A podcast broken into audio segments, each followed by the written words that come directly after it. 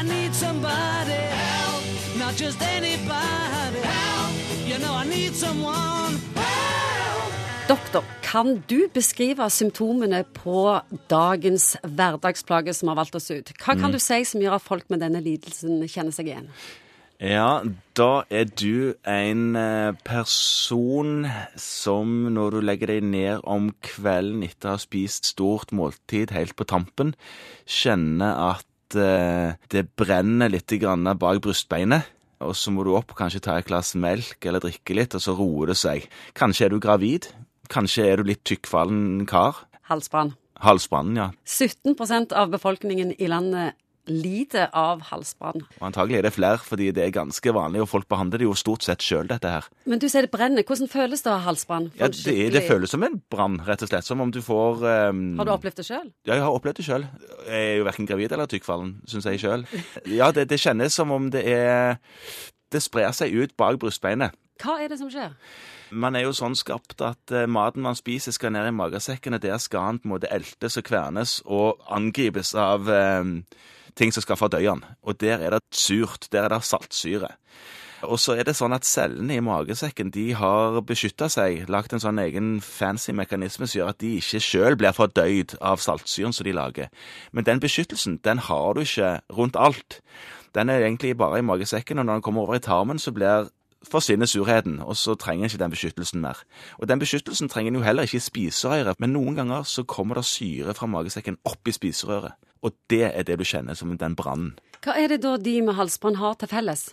Den vanlige greia er jo det at den lukkemuskelen som er nederst i spiserøret, som skal hindre at det kommer ting fra magesekken og opp, den som står vid åpen når du kaster opp, den er litt slarkete. Sånn at ting kan skvulpe opp i spiserøret.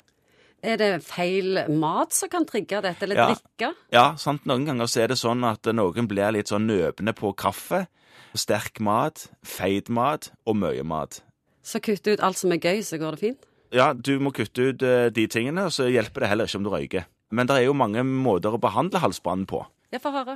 Ja, Det vanlige er jo at de som har det, drikker litt grann vann eller melk, og så roer det seg. Eller så går du på apoteket og kjøper reseptfrie syrenøytraliserende midler som gjør at eh, syren roer seg litt, grann, sånn at den ikke blir så sterke for spiserøret. Kan du bli kvitt halsbrann Ja, det kan du bli kvitt.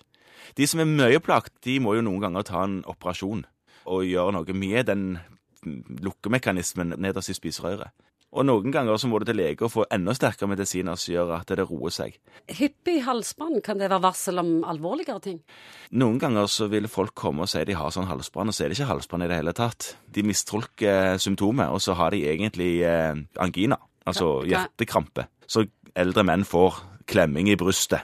Forstadiet til infarkt, på en måte. Hvordan kan du vite forskjellen på om du har halsbrann eller angina?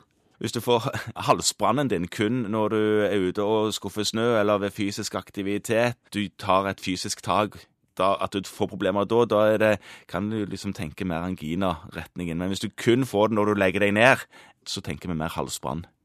Hvordan kan en vite forskjell på om en har halsbrann eller magesår? Det er et veldig godt spørsmål. Eh, noen ganger så er det ikke så lett å finne ut av det før en har gjort eh, konkrete tester på det hos legen. Og eh, sånn alkoholutløste sykdommer, med oppstøt, sånn sure oppstøt, det hører med å sjekke ut de tingene der hos en som har halsbåndproblemer. Du kan godt si det at eh, hvis medisinene du får på apoteket mot halsbrann ikke har effekt, så bør du dra til lege for å få undersøkt om det rent faktisk er halsbrann du har. Om det er det, så trenger du sterkere medisiner enn det du får reseptfritt.